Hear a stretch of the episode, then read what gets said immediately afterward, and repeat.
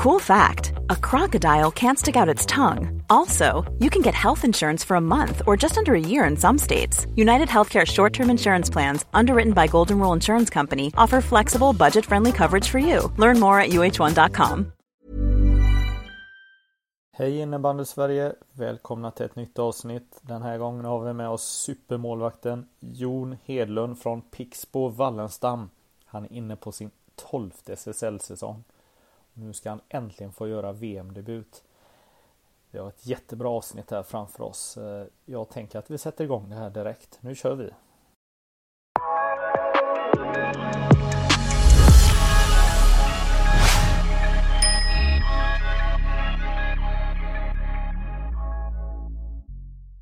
Då hälsar jag Jon eh, Hedlund välkommen till det här avsnittet.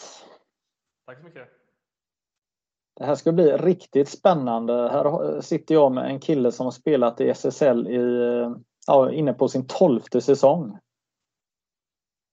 Det stämmer. Det var gått fort höll jag på att säga, men det, eh, det, känns, det är som alla sådana saker. Det känns som att det både går fort och långsamt på samma gång. Eh, men ja, uppenbarligen så har man varit med ett tag nu. Ja precis och eh, du har gått lite under radarn eh, på något sätt. Eh, du har alltid varit med och du har tillhört ett ett bra lag som alltid går till slutspel bortsett kanske förra året då och ja, ändå så vet vi ganska lite om dig. Ja, så kanske det är. Ehm, jag tror att jag var ganska ehm, omskriven och bevakad i början av min karriär och sen, eh, sen har det liksom tuffat på, som du säger, kanske precis eh, bakom de här landslagsplatserna eller så. så eh, ja, det, eh, eh det, det känns som att jag har tagit några steg här sista två, tre, fyra säsongerna och, och höjt mitt spel lite grann. Så det, eh, ja, det, det känns kul. Ja. Jag tänker att vi börjar med den här eh, aktuella frågan. Eh, jag får gratulera till att du har blivit uttagen i eh, VM-truppen. Hur känns det? Ja, tack så jättemycket. Det känns såklart jätteroligt. Alltså att spela VM är ju ett mål för de allra, allra flesta spelarna som spelar på den här nivån. Ehm, och jag har som sagt kämpat ett tag. Ehm, och eh, att nu ha, ha blivit uttagen känns ju jättekul. Samtidigt som det också kommer med ett stort ansvar, tänker jag. Eh, det är ju att klara att bli uttagen är ju att klara anställningsintervjun på något sätt. Nu börjar ju arbetet. Eh, så att det, det gäller att vara medveten om att det är mycket att, att göra också. Du har varit reserv på hemmaplan två gånger och nu då 30 år fyllda så gör du VM-debut. Alltså snacka om att man måste njuta av eh, det här ögonblicket. Absolut. Eh, alltså när man får det samtalet eh, att man är uttagen och så vet man att man tidigare, eller man vet hur det känns att vara på andra sidan, att, att få det där samtalet och säga att ah, men du missar precis. Ehm, det gör det ju lite, den, den stunden lite sötare om man säger så, när man, när man lyckas ta den här platsen. Så att, det känns eh, väldigt, väldigt kul. Eh, ni är ju två målvakter som är uttagna. Hur är det att åka till ett VM och att ni är två? Alltså det betyder ju att det är ingen som är tredje målvakt och får sitta på läktaren utan man är ju med. Ja men precis, det är ju, ehm, det är ju speciellt. Det är, två, och vi, det är vi två som ska, ska göra det och som ska stötta varandra och som ska eh, liksom, ja, stå för, för allt om man säger så. Eh, och det, det, det är väl tudelat. Det finns ju, eh, är man fler så kan man lite mer eh, ja, smälta in och gömma sig i mängden. Men här är det, det är vi som ska, som ska steppa upp. Liksom. Eh, och jag tycker, jag gillar ju det. Det, ju, det, måste man göra om man är målvakt på något sätt. Det, det är ju vardagen i, i klubblagen också att eh, det finns ingen att gömma sig bakom utan eh, Eh, det är bara att, att ta tag i, i det som behöver göras och, och se till att få det gjort.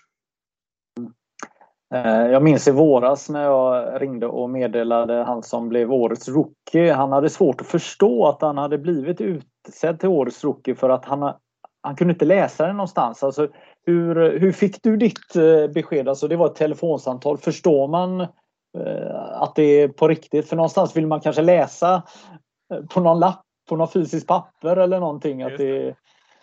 Ja, nej, men ja, jo, men det är ju en så lång process den här landslagsuttagningen eller VM-uttagningen. Man, det handlar ju om läger på över ett eller två års tid som, som leder fram till det här samtalet och man vet ungefär när det borde komma och har man inte hört något så vet man att när det ringer på mobilen så nu, nu kommer jag antingen få ett positivt eller ett negativt besked. Ehm, så att eh, det var ett telefonsamtal, det var Brottman som ringde och, och, och sa att, eh, att de ville ha med mig. Så att, eh, ehm, jag tänker att det kanske är skillnad när det är ett sånt pris som, som årets rookie som man kanske inte ehm, liksom tampas om på det sättet under så lång tid. Men, men jag kände mig ganska förberedd på att få ett besked i alla fall. Ja. Eh, vad var det första du gjorde efter han la på eh, luren?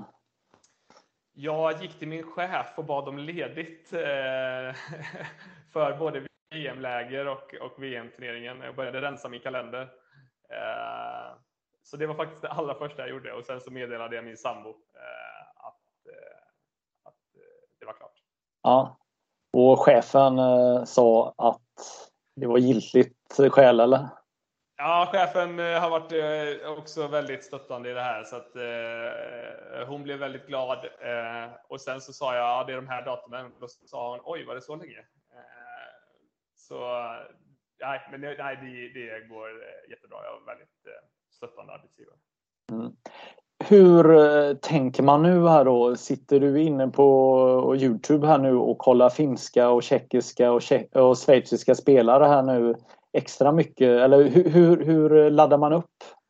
Ja, inte riktigt än kanske jag på att säga, men eh, absolut har jag tittat lite grann på. Jag såg den finska truppen släpptes väl här för någon, någon dag sedan. Eh, kikade lite grann på vilka de plockade med till slut och vilka som hamnade utanför.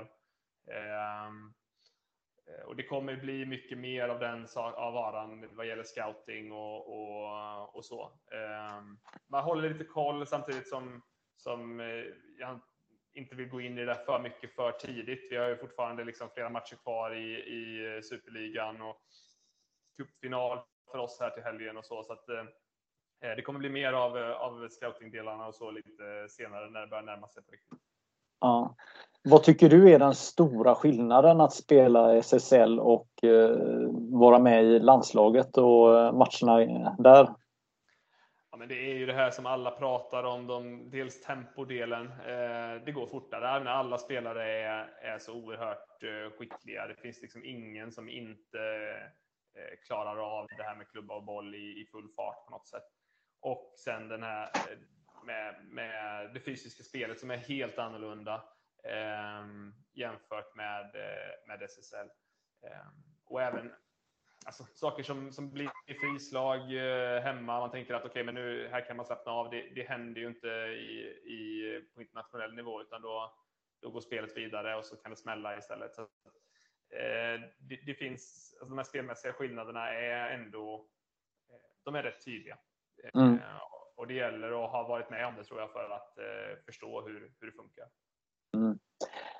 Jag tänker de som spelar SSL och spelat flera år eh, känner du till eh, jättenoga då. Men hur är det med exempelvis de finska spelarna? Alltså hur, eh, hur, hur, väl känner man till dem och vad de eh, har för sig i matcherna?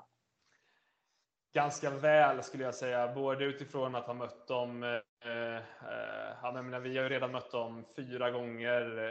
Eh, en, två, tre. En, två, tre, fyra, fem gånger har, har landslaget mött eh, finnarna nu eh, den här säsongen.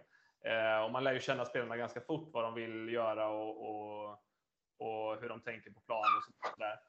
Eh, och dessutom med, med de scoutingdelarna som vi får till oss från, eh, från staben. Så, eh, jag tänker mig att det, det där går ju åt båda håll. Finnarna har nog minst lika bra koll på vad vi, vilka spelare vi har och vad vi vill göra med de formationerna. Så att, eh, det, det, är som, jag kan tänka mig att det är lite grann som i, när man möts i match eh, 5, 6 och 7 i, i slutspelet. Sådär. Eh, det handlar om att, att eh, eh liksom ta nästa steg som lag. Okej, okay, förra gången så gjorde vi mål på det här. Det kommer de garanterat ha scoutat. Eh, hur kan vi dra nytta av den scoutingen de har gjort och ta nästa steg och, och eh, liksom utnyttja det? Så att, eh, det, det, är två lag som känner varandra väldigt väl. Mm. Ja, men jag eh, ser ju på det att, eh, att det nästan, eh, eh, hur ska man säga, du är skittaggad här. Jag menar att då ha spelat så här många år och, och, och känna den här glädjen för innebandy måste väl vara helt fantastiskt, eller? Absolut. Det, det är ju faktiskt otroligt att man kan göra det här i 12, jag var inne på sin tolfte säsong och, och fortfarande känna att både att man blir bättre och eh, att, eh, att det finns liksom eh, det engagemanget kvar, att det ger en så mycket. Så att både, alltså både det vardagliga i, i spelet med Pixbo i SSL, men, men sen få krydda det med de här eh, landslagssamlingarna och ett VM och sådär. Det, det är väldigt, väldigt roligt. Mm. Um, hur... Eh, jag, hade inte, jag har inte jättekoll på din karriär innan här men eh, du kommer ju från Värmland och spelade tre säsonger eh, med Skoghals i division 1 och ytterligare ett år i division 2. Så, att, så att innan du flyttade som 19-åring till Göteborg och Pixbo och så var du med under fyra säsonger i, i senior innebandy. Det är ju ganska imponerande. Ja, det är nog eh, eh, det är inte jättemånga som eh, hinner göra så många seniorsäsonger innan man går till, till högsta serien. Ehm, jag ska säga det att den första säsongen där, division 2, det var inte mycket speltid för mig. Jag tror jag spelade en match kanske. Utan då var det mer se och lära. Ehm, men efter det så, så var jag väl liksom ganska uttalad första målvakt under de tre säsongerna i division 1, det som blev allsvenskan då under den tiden. Så att, eh, det var ju serien under den högsta och oerhört lärorikt för mig. Eh, helt nödvändigt för att kunna fortsätta utvecklas. Eh, I Värmland så, alltså om man inte har något elitlag, det finns inte riktigt någon tydlig trappa upp till, till SSL, utan man måste få kliva, eller för mig var det nödvändigt att få kliva uppåt för att kunna fortsätta utvecklas. Ja, men att vara eh, ordinarie då eh, första målvakt som 16-17-åring i eh, näst högsta serien. Det måste ju som sagt vara en fantastisk möjlighet.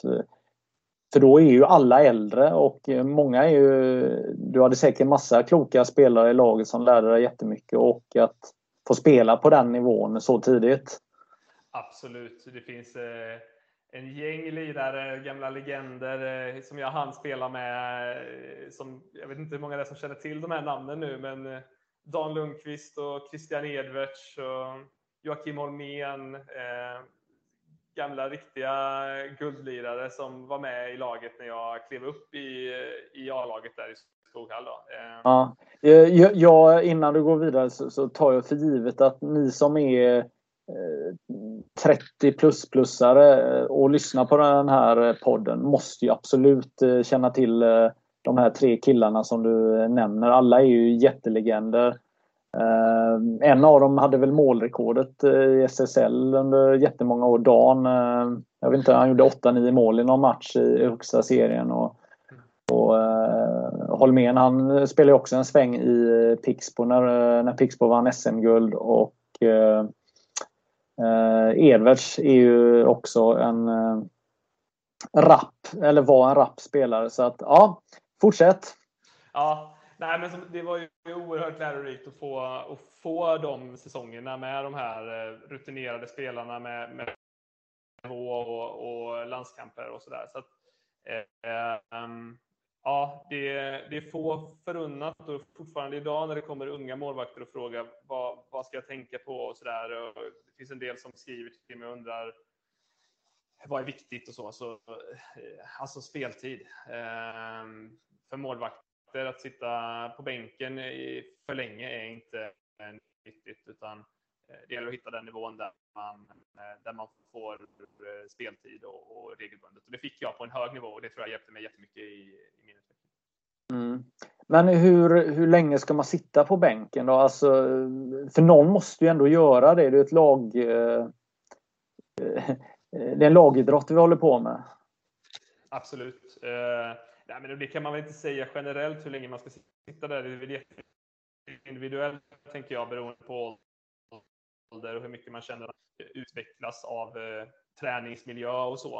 Eh, men det man kan se, jag tycker, eller det jag tycker mig se när jag tittar på, på Superligan till exempel, det är att de som fastnar där under flera säsonger utan att utöka sin speltid gradvis, eh, det blir ju sällan bra. Då blir det oftast att man får backa tillbaka ett steg, kanske gå, gå ner en serie för att få den här regelbundna speltiden och sen kunna ta sig tillbaka till, till högsta serien. Um, så att jag tror att eh, det gäller verkligen att tänka över sin situation extra noga som målvakt, för det finns inte en tredje femma att spela i, utan det är på planen eller på bänken. Det är de enda två alternativen som, som vi har.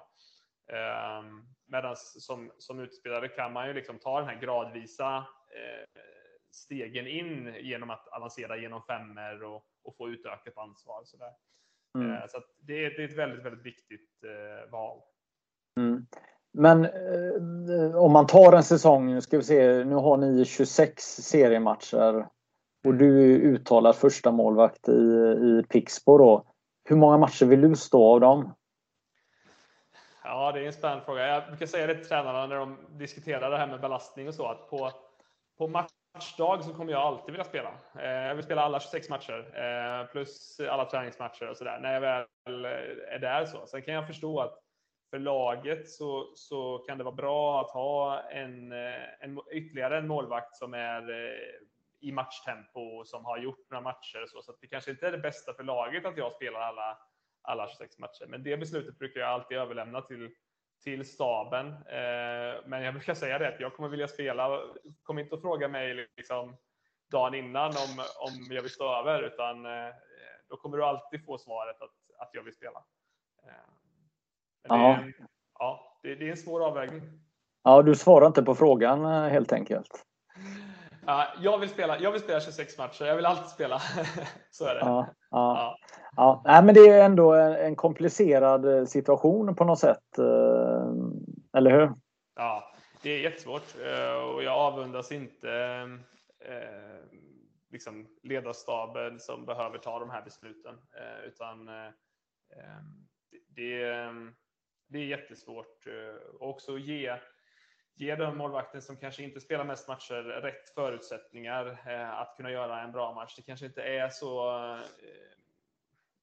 det är inte alltid kanske det bästa att få spela exempelvis mot eh, mot de lagen som ligger allra längst ner i botten, för då har du i princip allt att förlora som målvakt. Eh, antingen så vinner ni och du gör det bra och då har det gått som det ska, eller så går det inte som det ska och då har du förlorat mycket. Liksom. Så att, vilka matcher man ska spela och hur mycket och, och när och så där, det, är, eh, det är en jättesvår eh, balans.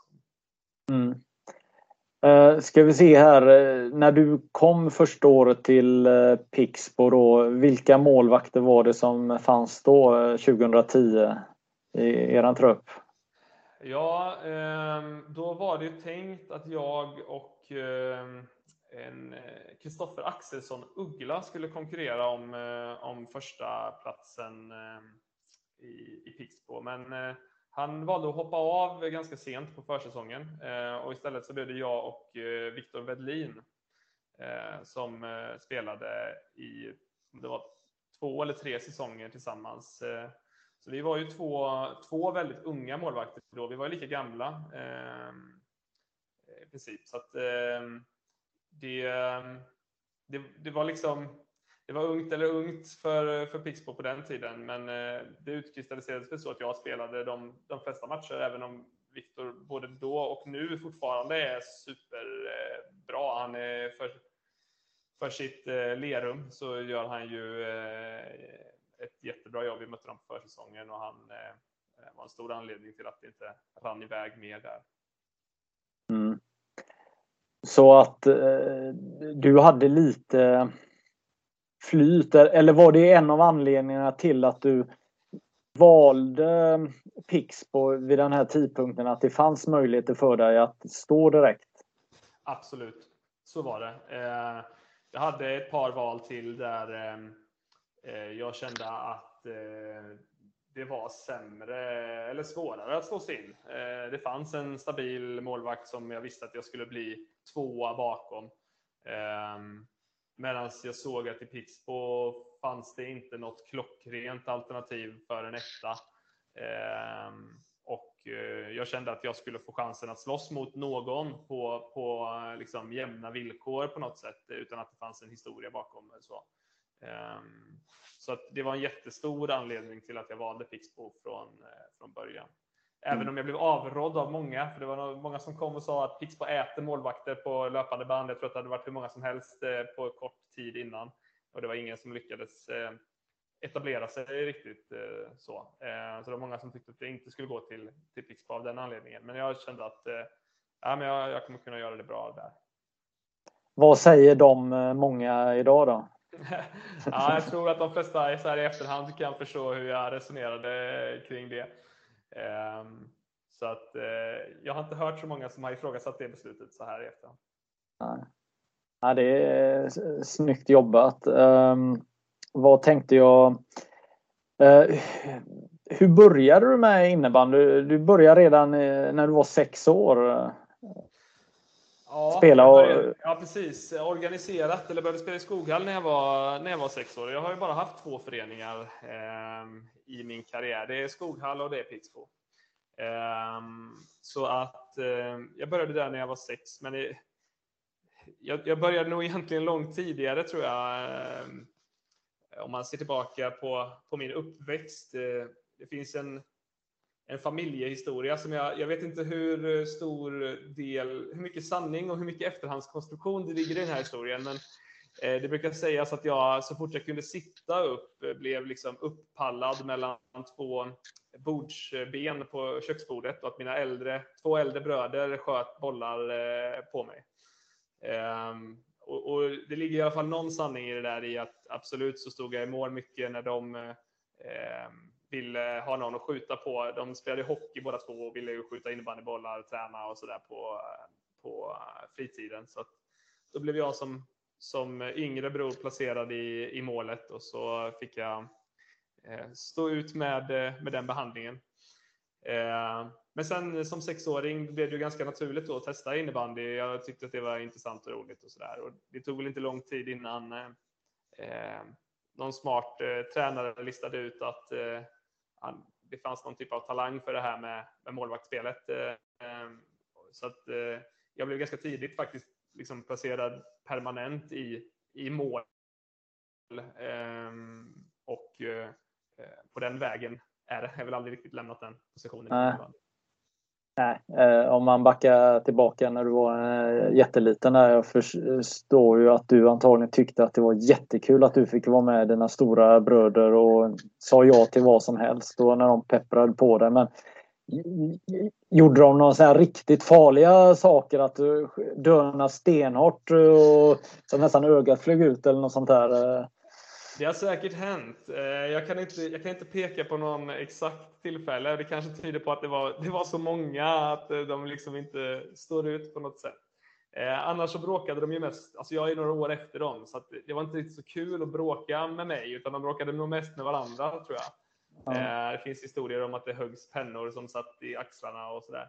Ehm, men, eh, men absolut, alltså precis det du nämner, att få vara med både när mina bröder spelade och när de spelade med sina kompisar. Eh, det var ju allt man ville när man var liten och om det betydde att man behövde stå i mål för det så eh, hoppade man in, eh, eller hoppade jag in eh, direkt. Och det har väl betalat sig i efterhand. Jag tänker att du fick börja stå ganska tidigt i vissa lag, egentligen oavsett om det är fotboll, handboll eller innebandy, så en viss ålder så kan det ju vara 8-10 stycken i ett lag som vill stå för att det är lite fräckt att ha på sig hjälm och, och, och de här. Hur, eh, hur löstes det i ert lag eh, om du då blev målvakt ganska tidigt?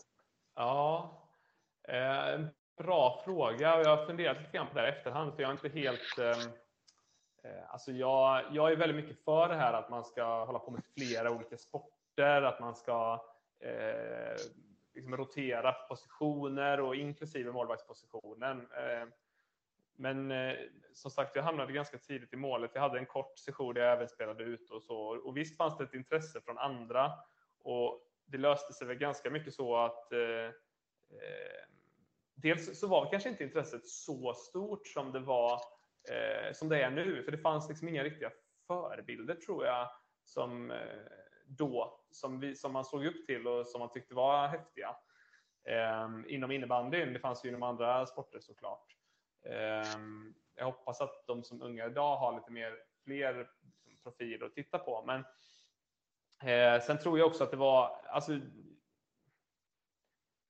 jag, eh, jag var väldigt duktig i en väldigt tidig ålder och eh, någonstans så blev det kanske så att eh, så som barn och ungdomar lätt är att eh, om någon är väldigt bra och det, det, är några andra som, som gärna vill stå emot men som inte eh, kanske är lika bra just då så, så blir det ett grupptryck mot att, att eh, den som är bra på det här ska få spela. Ehm, och eh, jag kan se så här i efterhand att det där kanske inte var helt eh, hundra. Ehm, men ehm, ja, det var så, så det blev då. Det kanske, ja. Eh, det var inget jag ja, men... över då, men nu som vuxen kan jag, kan jag tänka kring det. Mm. Men barn är ju smartare än vad man tror. De kommer ju på det att har vi en kille som tar alla skott så vi vinner matcherna så är det bra att han står så mycket som möjligt. Ja, ja men precis så. Eh, och det, det är ju, eh, de är ju smarta på det sättet och eh, samtidigt som jag tänker att det är ett vuxenansvar att, att se till att det där eh, sköts på ett bra sätt. Så, ja, det är väl, eh, ja, eh, så här i efterhand kanske det inte var helt optimalt. Nej, men när jag hör hur du resonerar idag om de här 26 matcherna så tänker jag att du inte lämnar målburen frivilligt. Nej, men så eh. var det säkert. Så var det. Det är därför jag menar att, eh, att, att det är vuxna som behöver ta det ansvaret. Eh, jag, jag var säkert den första som skickade upp handen när, man frågade. Mm. Jag tänker som fotbollsmålvakt exempelvis, kanske inte lika mycket ishockey då, men en fotbollsspelare eller en fotbollsmålvakt idag måste ju vara en bra fotbollsspelare också. Det behöver man ju inte vara i innebandy, eller? Eh, nej, inte. Mm, det är ju, skiljer sig ju så mycket, tänker jag. Om vi hade haft en klubba. Jag menar, hockeyn går ju också åt det hållet, att, att målvakterna behöver bli bättre och bättre med klubban. Det är ju en verklig faktor när man ska eh, välja målvakter och när man utvecklar målvakter, att man ska bli duktig på att spela med klubban. Men i och med att vi inte har någon klubba, vi, det skiljer sig så mycket för oss eh, från utspelare till målvakt. Så så det är klart att jag inte behöver ha någon klubbteknik. Eh, det jag däremot behöver ha är ju en extremt eh, god förmåga att, att läsa spelet. Eh, där, där är vi ju lika utespelarna och vi målvakter. Jag skulle till och med säga att vi behöver vara kanske snäppet vassare utifrån där vi befinner oss. Men eh, nej, jag behöver ju inte kunna skjuta bollen i krysset, eh, även om jag kan det också. Men, eh, men nej, den förmågan behöver jag inte träna på. Nej. Eh, jag minns ju faktiskt en målvakt i Pixbo, eh, jag vet inte om jag ska säga hans namn, Håkan Reit. Eh, han drog ju en domare tror jag i ögat med dragskott en gång så han kanske skulle varit lite skickligare på klubba. Och, men du, men du, du säger att du, du kan dra upp den i alla fall i krysset. Då. Ja, äh, jag spelade, jag spelade faktiskt hockey tills jag var 14-15 år och jag har väl lite nytta av den klubbtekniken. Äh, även om den är lite kantig för, för innebandy så, så kan jag skjuta, passa och, och ta mig fram hyggligt. Mm.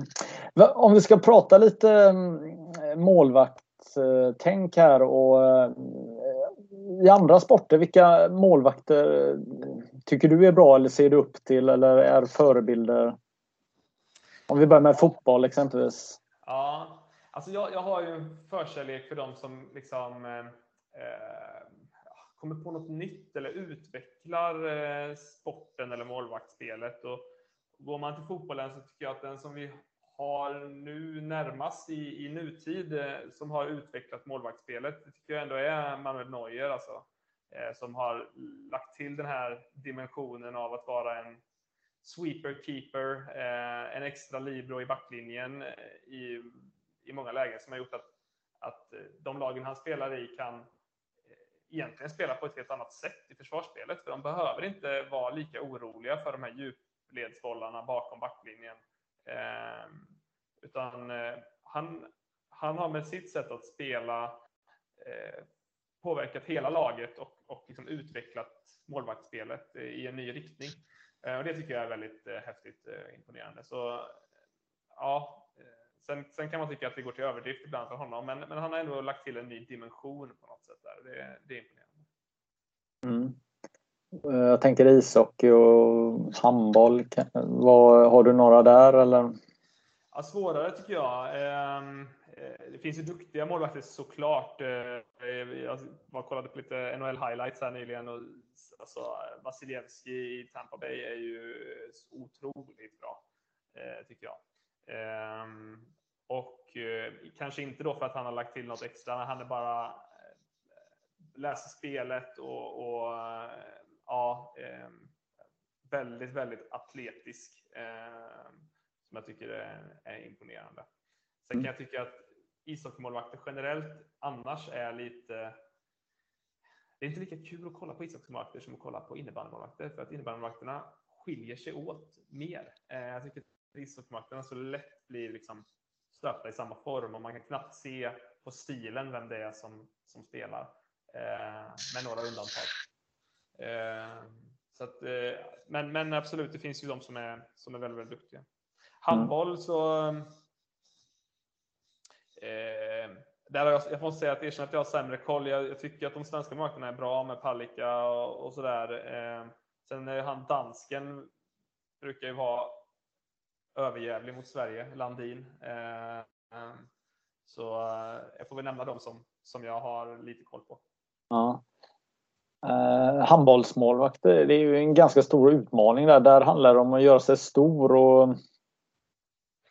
jag brukar säga det, det är två sporter jag aldrig skulle ställa mig mål i. och Det är handboll och, och bandy, isbandy. Ehm, det, ehm, det känns som någon form av självmordsuppdrag i båda de sporterna. Ehm, oerhört imponerad av de som, som gör det och gör det bra. Men ja, det, det blir ju en annan, helt annan mentalitet, framför allt i handboll, tänker jag, där det inte alls handlar om att Alltså du kan inte på inget sätt räkna hur många mål du har släppt in, eh, utan eh, det handlar snarare tvärtom om hur många eh, räddningar du lyckas göra istället. Det blir en annan omvänd mentalitet lite grann i och med att du räddar oftast färre än hälften av skotten du får på dig. Medan vi då kanske fokuserar mer på hur många man släpper in och, och, och räddningsprocent. Och så, så ehm, ja, det, det blir en väldigt annan en annan mentalitet kring, eh, kring handbollsmålvakter. För 10-20 år sedan så var det väldigt inne att eh, experimentera med att stå upp och sitta ner och hitta ja, eh, målvaktsspelet befann sig i en utvecklingsfas kan man väl säga att många testade och så. Vad, vad är du i positionsarbetet kring det, tänker jag? Ja, för det första så tänker jag att jag, gillar att man testade, att man vågade att göra lite olika. Vi visste ju inte liksom vart innebandyn skulle ta vägen. Ehm, och det kanske var det också rätt eh, för eh, hur innebandyn såg ut då. Ehm, det var kanske inte lika många spelare som kunde skjuta lika hårt från lika eh, långt ifrån målet som det är nu. Utan då kanske det fanns en större vinning i att testa det här med att stå upp. Sen tycker jag att det blir ju någon form av eh, det blir någon form av naturligt urval, tänker jag, en evolution som, som vi sett åt vilket håll den har gått nu och de här stående målvakterna har ju försvunnit. Eh, nu, nu har det väl visat sig att ja, det där var kanske en, en period när det funkade, men det, det gör inte riktigt det längre. Eh, så att nu ser vi väl inga målvakter, vad jag kan eh, komma på i alla fall, som i, i de högsta serierna liksom använder en stående teknik. Sen kan det variera i hur länge man står upp, alltså hur nära behöver bollen komma innan man sätter sig ner och sådär. Men, men eh, jag är ju ganska övertygad om att så som spelet spelas just nu så är det mest fördelaktigt att, att spela eh, sittande, eller vad man ska säga, i, i de allra, allra flesta situationer. Mm. Eh, du berättade att du eh, gillar målvakter som utvecklar spelet. Vad har du utvecklat? Eller eh, vad har du jobbat med? Mm. Eh, nej men, eh, det finns både liksom stora och små saker eh, som jag tänker att jag kanske inte som har liksom revolutionerat sporten, det kan jag inte hävda på något sätt, men, eh, men jag kan ta, ta upp, vi nämnde Christian Edwards här förut. Han hade ju hans signaturgrej var ju att lägga ner målvakten och, och så slå bollen i den här klassiska armhålan där man inte hinner ner och stänga som, som keeper. Eh, och där redan då som 16-17-åring fick jag börja med att tänka efter kring hur fasen ska jag få stopp på det här? Ehm, och en sak som jag nu har fått in i mitt spel som jag använder hela tiden och som jag har sett att andra har börjat göra också, så vet jag inte om de har tagit det från mig eller om, om de har hittat på det själva. Eh, det är ju det här att man slänger sig med, med armen vänd inåt istället för utåt. Ehm, hem, eh, i, i klubben eller i Pixbo så kallar de det för padden. Eh, man har en paddel här liksom som man använder. Eh, vilket gör att de har ju i princip slutat att försöka sig på det här eh, på mig. Eh, och jag har sett en, en, hel del andra målvakter som också har börjat spela likadant, vilket jag inte såg för, för fem eller tio år sedan.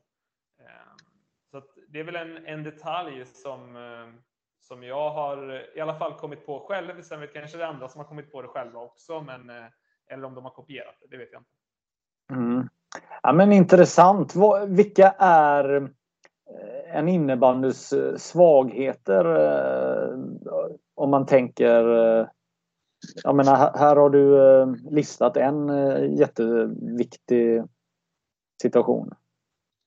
Ja, tänker du målvakter att, som, som vi har som svagheter generellt? Eller? Ja, alltså inte generellt för dig utan Nej. generellt. Alltså, vad är problemområdena om man säger så? Ja.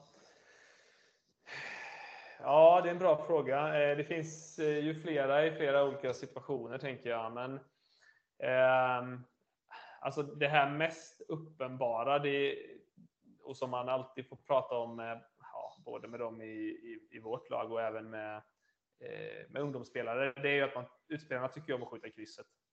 Eh, och jag brukar säga, vet ni vart jag har mina händer alltid? Ja, jag har dem i krysset. Det är där, för jag vet att där skjuter ni jämt. Liksom. Eh, och att få vi målvakter börjar komma längre och längre i innebandyn. Där är man i och för sig långt före i hockeyn, men längre och längre i innebandyn med att förstå det här med eh, perspektiv och bollens liksom, öga. Alltså hur ser målvakten ut från bollens perspektiv och vart behöver vi täcka? Um, men att få utespelare att förstå det där, det verkar vara helt, eh, där är vi långt efter. Alltså. Mm. Uh, att förstå vart finns luckorna? Jo, luckorna finns faktiskt mycket, mycket högre utsträckning runt höfterna eller precis över liksom, en, en decimeter över foten på bortre stolpen. Eh, eller eh, bredvid hjälmen vid axlarna. Det är de liksom, områdena som är svårast att nå för oss målvakter. Och, eh, där har vi lite kvar för att lära våra skyttar redan i tidig ålder att det är här ni ska skjuta. Mm. Ja, där, Mm. Jag, jag har ju sett eh, på sådana här eh, målvaktsskolor och sånt att man jobbar också mycket eh, runt eh, kassen också. Jag tänker i ishockey så har man ju sin målvaktsklubba som, som man kan eh, stoppa spelarna att bryta in och, och, och komma köksväg och alla de här bitarna. Vad, är det något också som utvecklas eller är en, en ett, ett svårare område för innebandymålvakter? Alltså det är svårare i den bemärkelsen att vi kan ju inte ge oss ut och du vet, stoppa puckar i runden som, som hockeymålvakterna gör med sina klubbor. Eh, det, dels går det för fort och dels så har vi ingen klubba så det blir väldigt, väldigt riskabelt. Men jag tror absolut att de här bitarna kring att hjälpa försvaret med dels med inbryt men också med diagonaler som går väldigt nära målvakten. Alltså, tänk att man kommer i fickan och så viker man ner den i hörnet och så kommer det en diagonal på bortre. Ofta är ju den diagonalen rätt nära målvakten i ett område där man skulle kunna bryta den.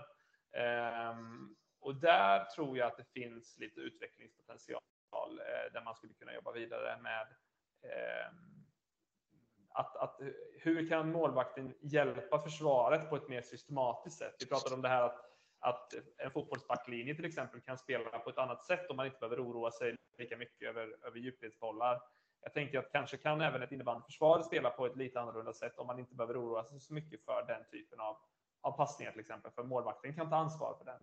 Mm. Um, så där, det finns nog eh, aspekter där som, eh, som man hade kunnat arbeta med. Mm. Uh, jag tänker på det här med målvaktshandskar. Uh, när du började spela så var det inte så vanligt och idag är det jättevanligt. Men du har valt att inte spela med handskar. Kan du berätta? Ja, precis. Det stämmer. Vi är väl eh, vi, jag säga, vi blir för färre och färre som är utan eh, handskar just nu i, i högsta serierna. Eh, jag, ja, som sagt, från början fanns de inte. Jag har vant mig vid att spela utan. Eh, jag har gjort några försök, några försäsonger där jag har eh, testat Eh, olika typer av handskar och sådär, men aldrig riktigt eh, fastnat. Jag, jag har framförallt svårt, inte så mycket med det här med bollen och att fånga den. Där kan jag förstå att i vissa situationer så ger det lite bättre grepp eh, och så med handskar.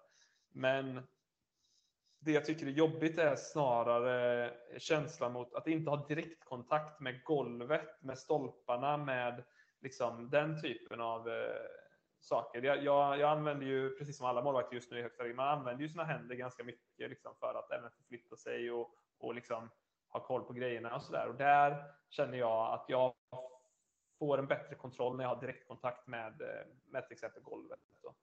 Um, och därför har jag valt att, att eh, fortsätta utan. Sen tror jag att hade jag börjat idag eller eh, med handskar eller hade jag liksom en längre, längre tid eh, verkligen eh, kört det där för att vänja mig så kanske jag hade gått över till det också. Men just nu funkar det bra för mig utan och, och, och då kör jag på. Liksom.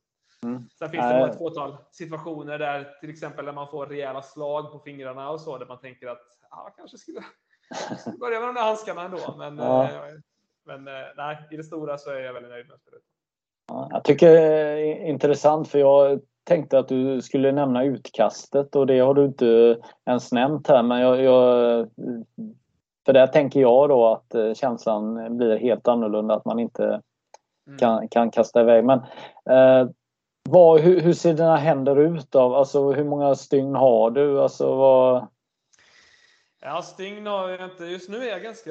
Ja, jag har, jag har inte om det syns på videon. Ja, jag har lite ja. sådana naglar efter ja. några slag här eh, senaste. Men stygn, ja. alltså man syr ju inte, har jag fått lära man syr nästan aldrig fingertoppar. Eh, och det är de som tar mest stryk. Ja. Eh, utan de blir ju ihoptejpade. Alltså, men jag har lite R eh, och så här och var. Men än så länge är de, eh, har de eh, de har i princip full funktion. Jag har lite nedsatt rörelse i ett lillfinger. Men jag är nöjd så länge jag, om jag lägger av och, och händerna är fullt fungerande så då tänker jag att jag, jag får vara nöjd. Ja. För att eh, det är ändå rätt många som tycker att det är lite läskigt att, att ta emot de här skotten med ehm, bara händer nu. Eh, vad, hur, hur, hur, hur, gör du för att inte få ont? Alltså uppvärmd fattar jag, men hur, lång, hur, hur många minuter behöver du på dig för att kunna ta stenhårda skott från Östholm på uppvärmningen eller vad det nu är? Ja, Eh, jag skulle säga att det, varierar. Det varierar med två, framförallt med två saker. Eh, tiden på dygnet. Eh, morgonträningar är hemska. Eh, och det varierar med temperaturen. Eh, både utomhus, hur kall man är om händerna när man kommer in och även i hallen då, om det är kallt i hallen. Ehm, så det, det, varierar på det, men oftast så här, en vanlig träning så, så känner man väl av skotten de första, ska vi säga, tio minuterna. Ehm, ofta brukar det väl vara kanske två övningar. Man kör lite ja, halvmåne för att komma igång och sen någon övning till där man det är inte jätteskönt eh, så.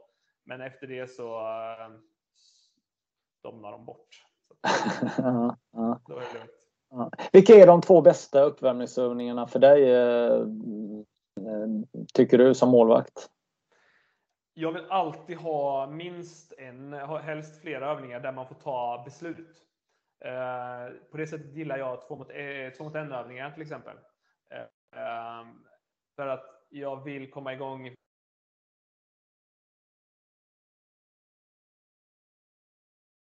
de här liksom klassiska, man kör hörn till exempel. Det kan vara jättebra bara för att få känna på bollen och så i början. Men, men eh, det blir för stillasittande. Man sitter kvar där mitt i målet ganska mycket och, och det blir liksom inget, eh, inte så mycket förflyttningar, inte så mycket eh, ta beslut och läsa spelet. Utan eh, i två mot en när skyttarna får välja om de ska skjuta eller passa eller dribbla eller sådär. Ja, men då kommer jag igång med mycket, mycket fler delar av, av eh, mitt målvaktsspel. Så att, eh, alla övningar egentligen där det finns sådana moment eh, tycker jag är väldigt viktiga att få med på, på mm.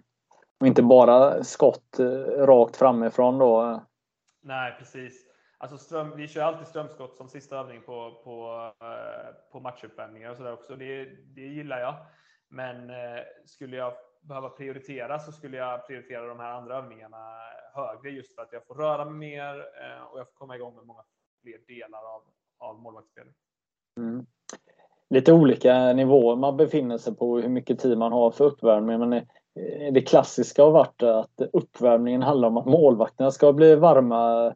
Typ att målvakterna har stått och eh, kliat sig i naveln eh, under uppvärmning utanför plan och börjat sin uppvärmning på plan kanske. Då. Men, men vem, vem är det till för uppvärmning? Är det till för dig eller är det till för utespelarna?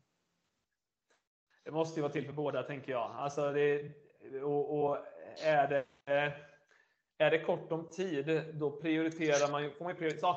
Vi kan ju ta nu senast, vi åkte upp till, eh, till Umeå här. Vi fastnade ju på flygplanet, eh, den här klimatprotesten eh, som var. Vi fick ju väldigt kort om tid på oss. Jag tror vi hade en halvtimme ungefär från att vi kom till arenan till att matchen skulle starta.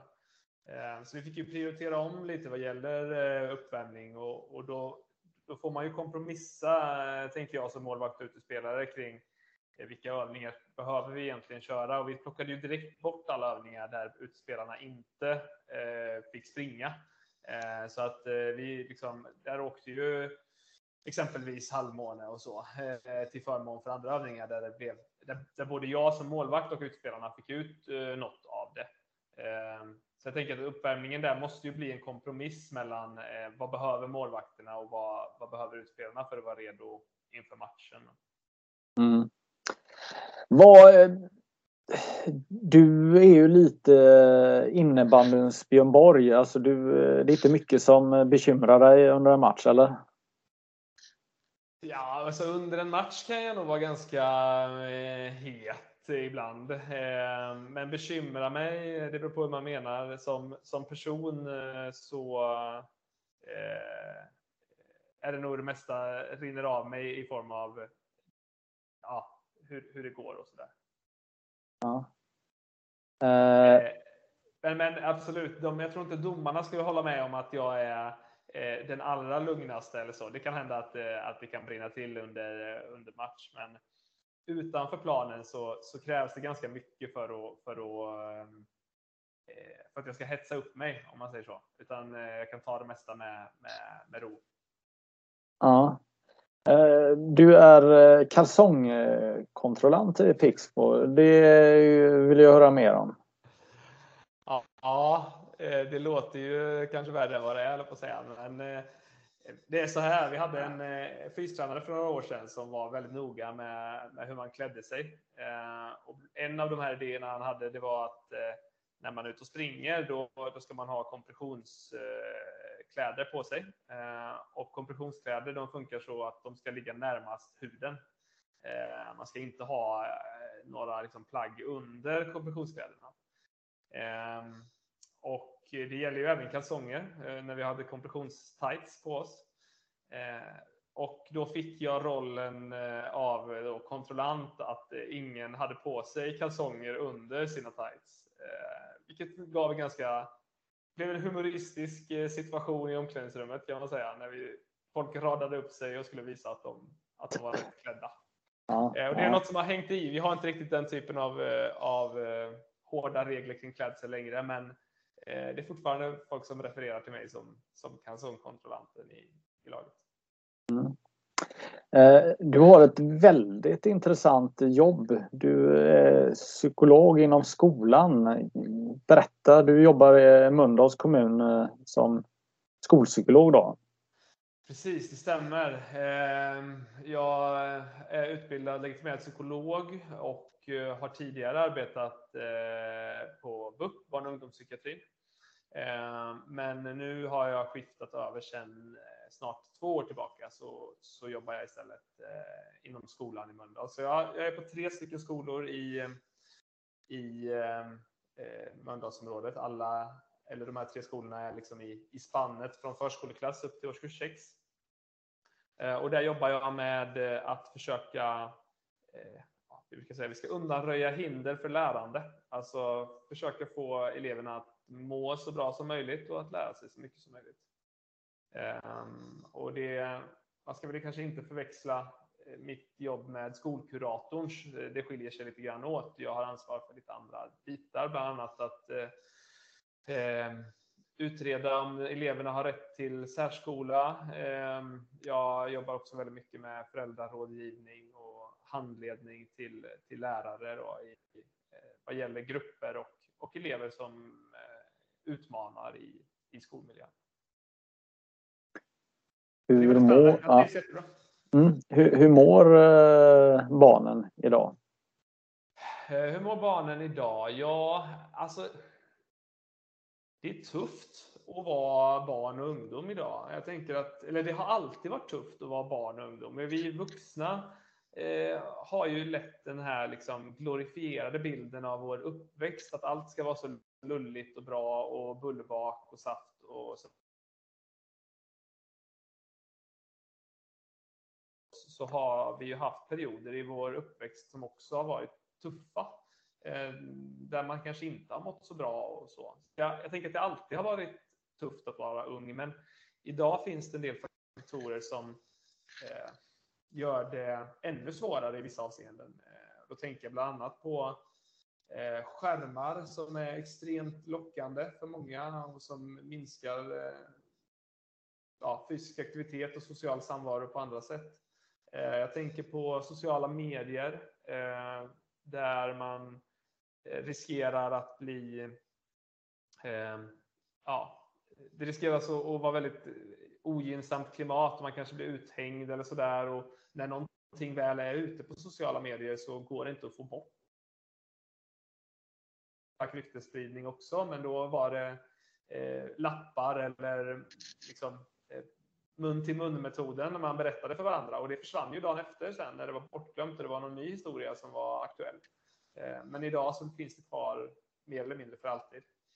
Eh, så det finns en del sådana faktorer som gör att eh, eh, det har alltid varit tufft, men idag kanske det i vissa avseenden är ännu tuffare. Mm. Men det är väl även tufft att vara förälder, tänker jag. Det är ju många föräldrar som bara önskar, att, bara önskar att sitt barn ska gå till skolan och allt ska fungera. Och... Verkligen. Ja, men precis de här sakerna gör det ju att det finns nya utmaningar i föräldraskapet också.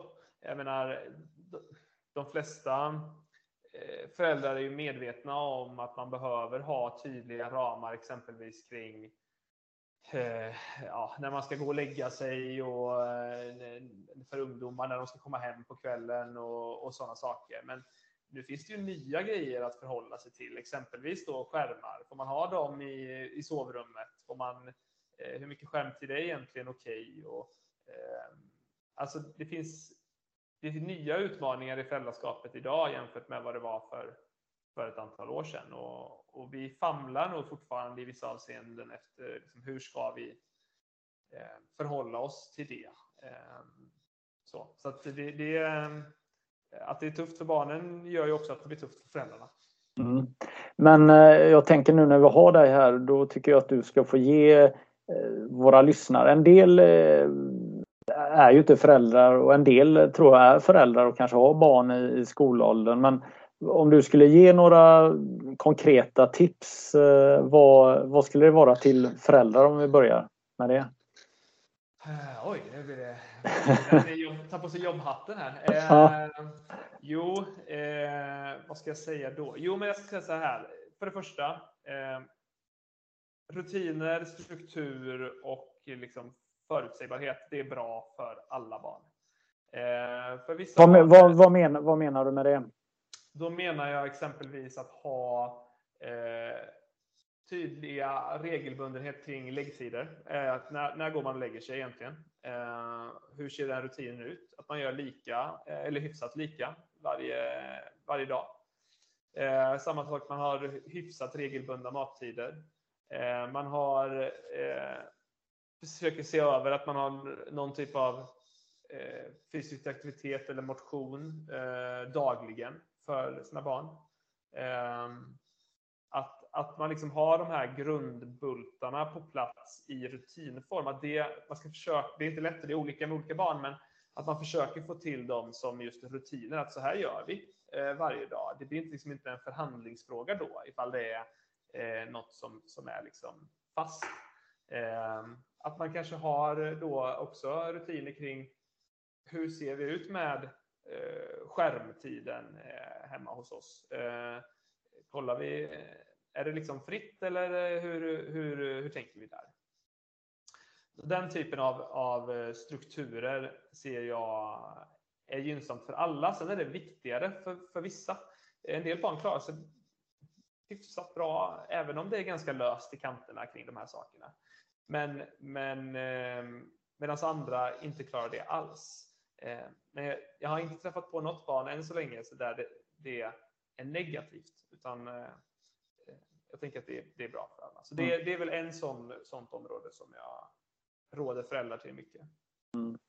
Tänker också att det är flera barn som har två boende också som också kan påverka Precis, och där är det jätteviktigt med föräldrars kommunikation. Det vet vi ju om att en, eh, alltså att ha två boenden i sig behöver inte vara problematiskt eller svårt, men så länge föräldrarna kommunicerar på ett bra sätt eh, Eh, och försöker ha eh, liknande förhållningssätt i stora viktiga frågor. Att man liksom inte eh, låter, för annars blir det det här utrymmet för barnet att spela ut föräldrarna mot varandra. Eh, och det är de experter på. Eh, det vet vi ju själva. Eh, det här eh, Mamma, får jag? Nej, det får inte. Pappa, får jag?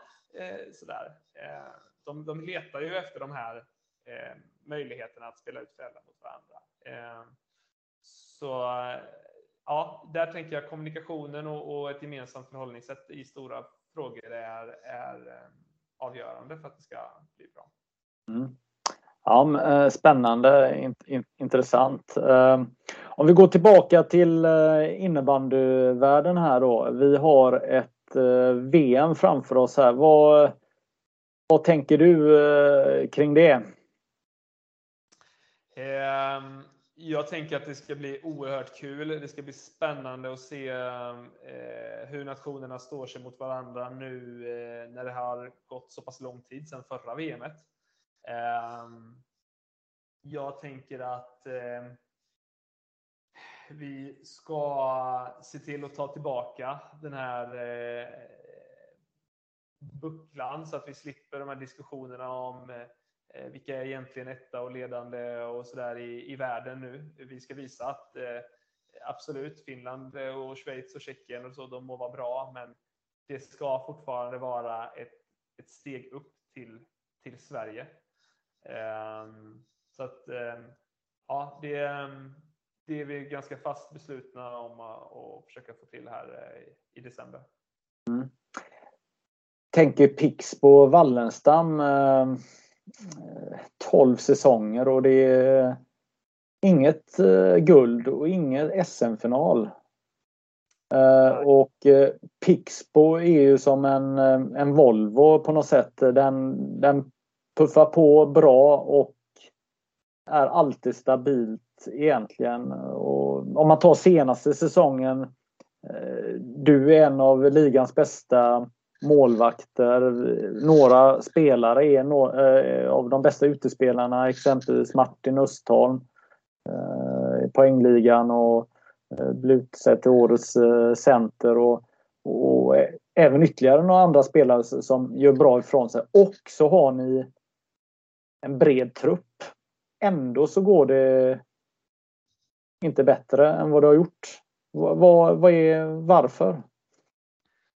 Ja, precis. Bra fråga. Eh, om vi hade haft ett klockrent svar på det så hade vi ju sett till att ändra på det. Eh, nej, men jag tror att om man ser tillbaka på hela min, eh, de här 12 säsongerna så har det funnits säsonger där vi både har, alltså att vi har varit den här stabila Volvon tänker jag att det beror på att vi vissa säsonger kanske har överpresterat utifrån den trupp vi har haft. Och andra säsonger så har vi underpresterat utifrån den trupp vi har haft. Och då har det blivit ungefär samma resultat oavsett hur det har sett ut. Ehm, jag menar, ja, jag vet inte hur man ska förhålla sig. Ja, men till exempel det här med vi vann serien eh, två år i rad, eh, men blev utslagna i kvartsfinalen. Det är klart att det var ett, eh, ja, inte så att vi underpresterade under hela säsongen, men vi underpresterade ju i slutspelet när, eh, när vi skulle liksom förvalta det läget vi hade satt oss i. Um, och... Ja men precis, jag vill minnas om det var något år där när ni åkte ut mot Helsingborg tror jag det var det nästan grinades från Pixbo-håll om att det är orättvist att motståndaren har taktik i slutspelet. Alltså, om man hårdrar det lite.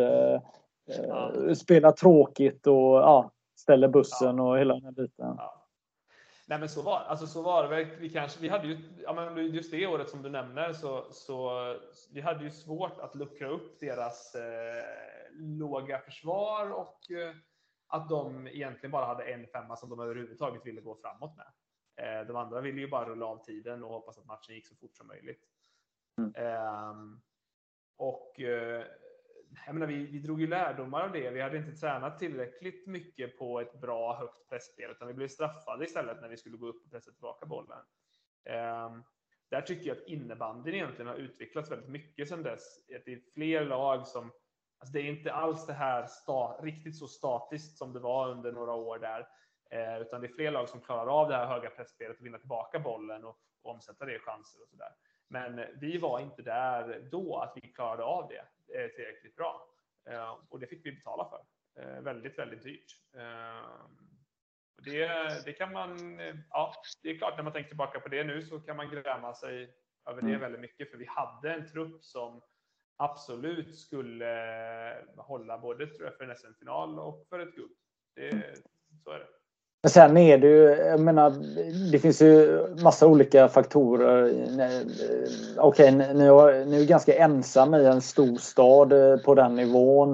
Eh, sen en annan faktor som är ju då om man ser eh, Storvreta och Falun då genom åren som har varit, de har ju också haft en bred matta av publik, alltså hem, en riktig arena med, med kanske 2000 personer som håller på laget. Och det har ju inte ni haft i, eh, i slutspel och eh, eh, vissa viktiga matcher. Ni har inte haft den här faktorn fördel av hemmaplan.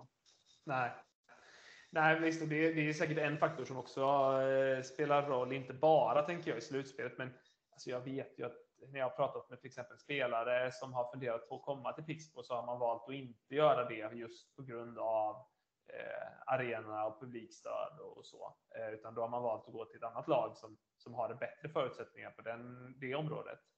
Eh, så det, det, det, har ju spelat en roll både för truppbygge och kanske i de här avgörande matcherna också. Eh, inte så för att vi kanske liksom Spelar sämre för det, för vi är vana. Men, men det här med att sätta tryck på domaren i avgörande lägen, liksom, det, blir, det är en press på liksom, den fronten också som, som spelar roll när man har en, en stor publik i ryggen.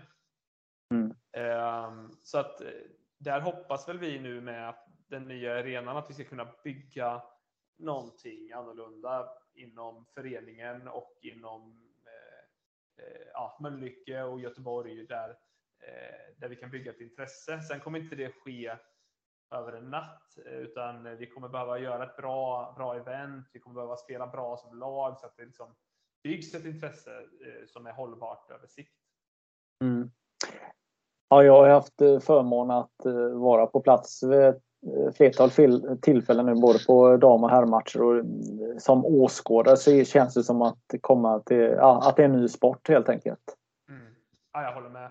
Jag tycker att den är, jag tycker att arenan är mm, en av de, en av de bästa. Det finns några stycken där uppe som är, som är superfina.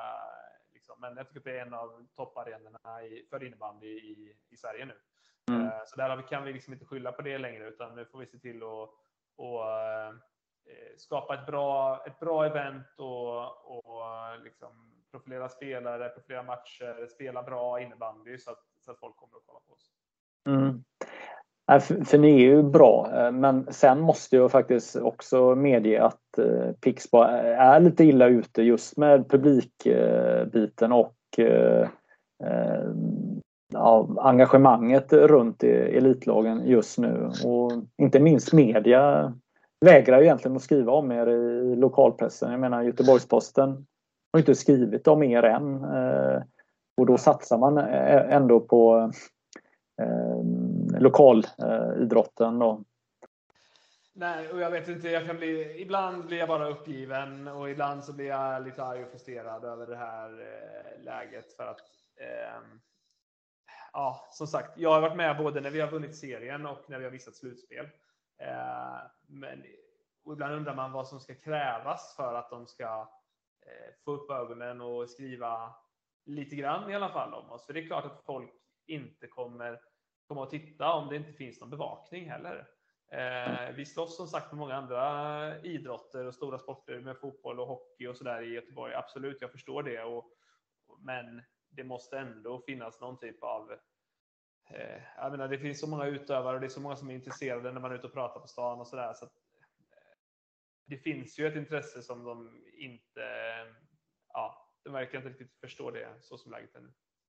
Men handen på hjärtat, hur många gånger har Göteborgs-Posten ringt dig under de här 12 åren? Och, eh, alltså, ja, jag menar jag kan, du... Jag kan, ju, jag kan ju räkna dem på en hand i alla fall, så kan vi säga. Eh, absolut. Eh, det, det är väldigt, väldigt sällan de hör av sig och vill, vill skriva. Och de, de är välkomna att ringa när som helst. Det, det ser vi bara fram emot. Men eh, ja, men vad, vad, vad är det? Är du så ofantligt tråkig? Är, är Pixbo så ofantligt tråkiga?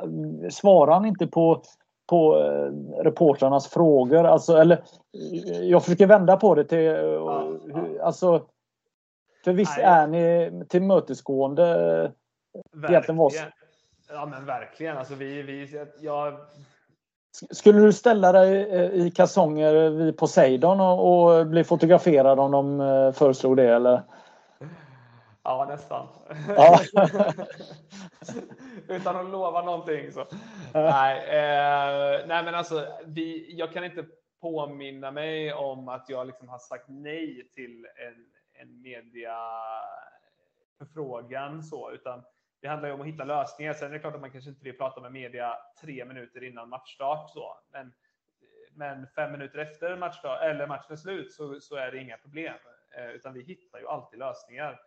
Så vi är inte otillgängliga på något sätt, utan eh, eh vi, eh, vi har haft liksom mediestrategier också eh, vissa år där vi har försökt att bygga ett intresse kring att exempelvis säga roliga saker i media eller, eh, eller liksom på olika sätt eh, väcka ett intresse. Men det blir inte något det kan, det kan, I bästa fall så blir det en, en rubrik vid ett tillfälle, men det, vi, vi, får inte till något liksom håll, ett intresse som håller över tid. Nej. Eh, tyvärr. Nej, det, det är ju riktigt tråkigt. Eh, en annan hemsk upplevelse som ni var med om. Eh, hur länge sedan är det nu? Eran lagkamrat gick bort här. Var du med vid Ja, det var jag. Det är ju, eh, ja, nu har jag räknat efter här, men det är väl tre år sedan, fy, ja, tre eller fyra år sedan som, ja. mm. som Mikael eh. Ja. ja. Jag var med eh, vid det. Vid den kan, kan du berätta hur, hur har det påverkat dig? Och vad var det som hände och hur agerade ni? Det som hände var väl att, att eh, Harrison hade ju ett, ett känt eh, hjärtfel. han hade en, eh, en pacemaker inopererad och han hade med jämna mellanrum, han var på många kontroller och han hade vid något tillfälle tidigare haft lite problem med, eh, med den här eh, pacemakern och med hjärtat, att han inte fick ner pulsen och så. så det var liksom inget okänt, utan det var, det var, det var väl, väl kontrollerat och det var också godkänt från, från medicinskt håll att, att hålla på med elitidrott på den nivån som, som vi gör. För att det skulle vara säkert med den här inopererade pacemakern. Mm. Men ehm, eh, det som hände var att vi hade ett, ett konditionstest, ett Cooper-test. Eh, där eh, Mikael mot slutet eh, eh, klagade över att han hade problem med eh, först med orken och sen eh, sa han med hjärtat. Och då sa vår fystränare omedelbart att okej, okay, men då kliver du av. Eh, kliv av här så, så, så får du göra det vid ett senare tillfälle. Eh, och det gjorde han också. Eh, han klev av med några varv kvar. Ehm, och sen så fullföljde vi eh, testet och han satt eh, en bit bort eh, och, och liksom tog igen sig. Ehm, och när nästan alla hade kommit till mål så såg vi hur han gick från en sittande position eller på alla fyra så där eh, till att han eh, föll ihop. Eh, och vi sprang ju fram direkt och kunde konstatera att han, han hade i och för sig puls då, och, men han väldigt, andades väldigt oregelbundet. Och, och så. Vi ringde direkt till, till 112 och de skickade en, en ambulans. Men, eh, och vi, vi, vi påbörjade hjärt-lungräddning så fort hans, hans eh, hjärta stannade. Ehm, och vi fick också igång honom eh, vid några tillfällen. Ehm, men det blev liksom kortare och kortare tid för varje gång som han klarade sig själv. Ehm, och jag tror, om jag minns rätt, att när ambulansen kom, så, eller i efterhand, att de berättade att även de fick igång honom vid några tillfällen på vägen in till sjukhuset. Ehm, men ehm, eh, ja, det, det gick Eh, hans, det vi har fått förklarat för oss från läkarhåll i efterhand att hans hjärta var för sjukt för att, för att klara det här. Och han gick bort eh, eh ja, där på, på sjukhuset. Och det var eh, helt, eh, ja, eh, det, är ju surrealistiskt på något sätt. Eh, jag, jag käkade lunch med Harrison innan den här eh, träningen. Eh, vi satt och snackade om, om olika saker och helt vanligt och mådde hur bra som helst. Och sen eh, några timmar senare så, så är han borta. Liksom. Det, det, det är svårt att, att ta in. Och det har såklart påverkat oss väldigt mycket eh, i laget, vi som, vi som var med. Och, eh, alltså, man får ju perspektiv på eh, vad som är viktigt och, och sådär, att det kan vara över så oerhört fort för en, en ung människa. Mm. Och vi fortfarande så, så gör vi allt för att, för att minnas eh, Harry eh, i laget. Både vi brukar vara ett gäng som åker upp till till hans grav på, på årsdagarna och vi eh, har med oss en, eh, en matchtröja eller med hans namn på, på, eh, på alla resor och sådär. Så att eh, han finns med oss fortfarande som den, eh, den ledare och förebild han var i laget. Vi, vi pratar ofta om att om, ja, om vi alla kan lägga ner den, den energin som, som Harry gjorde i sitt engagemanget som han gjorde i sitt innebandyspel och på planen så kommer det räcka väldigt, väldigt långt. Eh, för han, han var verkligen en förebild på, mm. på de områdena. Ja, eh, har ni i laget pratat ut om alla eh, eh om allt, hur ni upplevde den här situationen? För jag tänker att själva händelsen eh, också att folk reagerar olika just i då när, när han faller ihop på hela den här biten. Att någon kanske får ett flyktbeteende, någon tar initiativ, någon... Eh, Absolut. Vi, vi hade... Eh, Eh, vi, vi har pratat om, om situationen många, många gånger. Det kommer ju upp med jämna mellanrum. Eh, det är ju så med, tänker jag, med, med bearbetning av sådana här saker som händer. att det blir man liksom inte färdig med eh, sådär en gång för alla utan det, det liksom kommer ju lite pö om pö och, och föreningen slöt ju ut bra också och erbjöd alla individuellt stöd som, som eh, behövde det.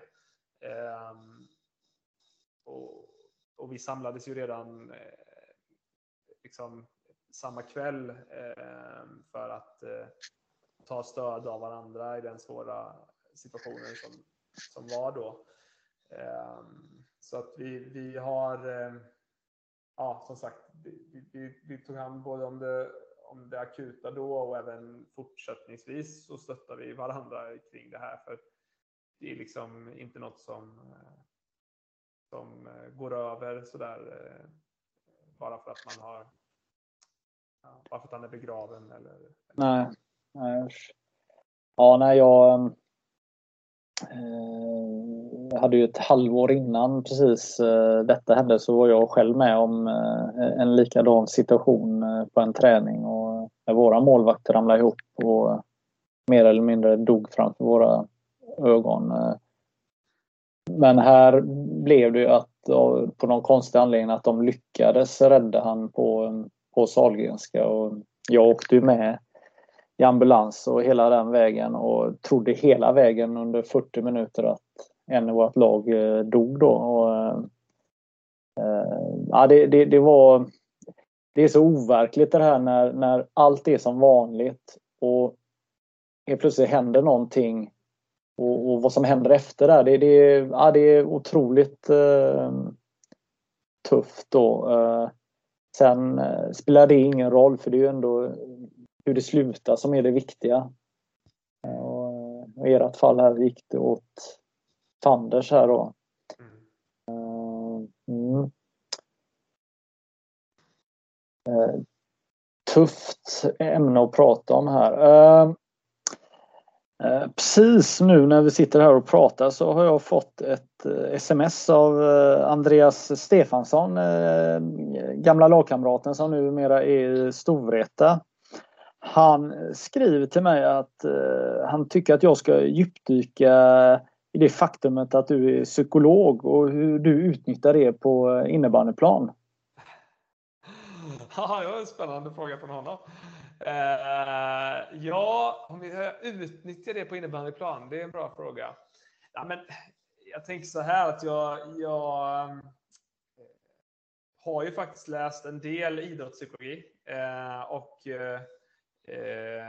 de delarna går ju att använda lite grann på sig själv i alla fall. Sen tror jag att Stefansson, om jag känner honom rätt, så kanske han tänker mer på någon typ av psykningar och mind games och sådär. Men jag ska erkänna att jag, tror att hans kompetens inom det området är större än min. Eh, han är, han är ju duktig på att låta käften gå så där eh, på plan så att eh, han, eh, han just inom, inom psykningar och så där, eh, där eh, har jag inte så mycket att tillföra till, till Stefansson. Nej. Nej. Uh, nej, men jag känner väl att vi börjar bli klara här nu. Det, alltså, oerhört intressant eh, att, prata med dig. Eh, det är som alla de här målvaktsbitarna som jag tycker är, är jäkligt eh, spännande att lära sig mer om. Sen också det faktumet att du spelade flera år innan du kom till Pixbo. Så egentligen är du inne på din 16 seniorsäsong. Det är ju ganska imponerande. Så har du precis fyllt 30 då i, maj i år.